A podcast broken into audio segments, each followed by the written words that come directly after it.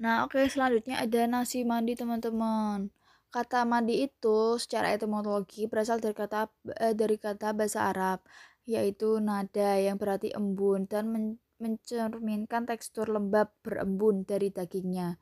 Nasi mandi ini dengan tradisional yang berasal dari Jazirah Arab, kemudian menyebar ke Indonesia yang dibawa oleh orang Hadrami.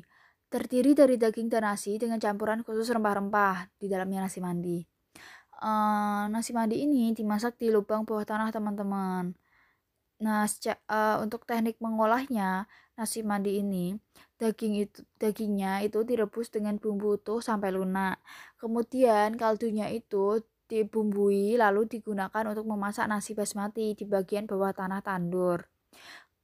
Lalu dagingnya digantung di dalam tandur di atas nasi dan tanpa menyentuh arang. Setelah itu tandur ditutup dengan tanah liat dan dibiarkan hingga 8 jam.